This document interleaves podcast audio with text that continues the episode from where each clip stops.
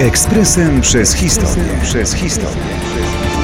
20 listopada 1947 roku późniejsza królowa brytyjska Elżbieta II poślubiła Filipa Mountbattena.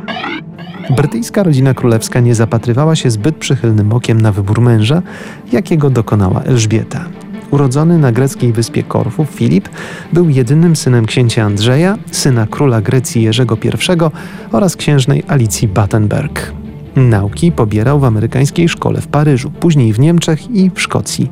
Następnie wstąpił do Royal Navy i ukończył Royal Naval College z wyróżnieniem. Kiedy Filip miał 18 lat, został poproszony o opiekę nad córkami królowej Elżbiety, Elżbietą i Małgorzatą. Młoda Elżbieta szybko zadłużyła się w przystojnym młodym oficerze marynarki i zupełnie nie zauważała jego skłonności do gaf i niezbyt wyrafinowanego dowcipu. Początkowo poprzestali na częstej korespondencji, z czasem ich związek się się umocnił.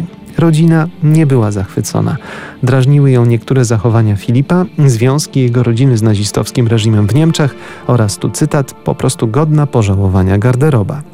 Filip jednak nie stracił chęci na bycie małżonkiem księżniczki Elżbiety i spełnił wszystkie wymagania. Przeszedł na anglikanizm, zrzekł się wszelkich dotychczasowych tytułów. W dniu ślubu z Elżbietą 20 listopada 1947 roku został księciem Edynburga, hrabią Marionet, a także baronem Greenwich. Od samego początku starał się sumiennie wykonywać przypisane mu obyczajem i etykietą obowiązki.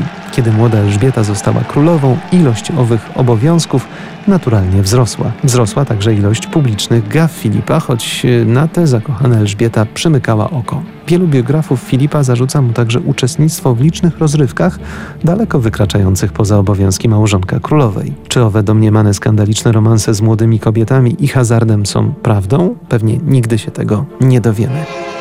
Ekspresem przez historię. Przez historię.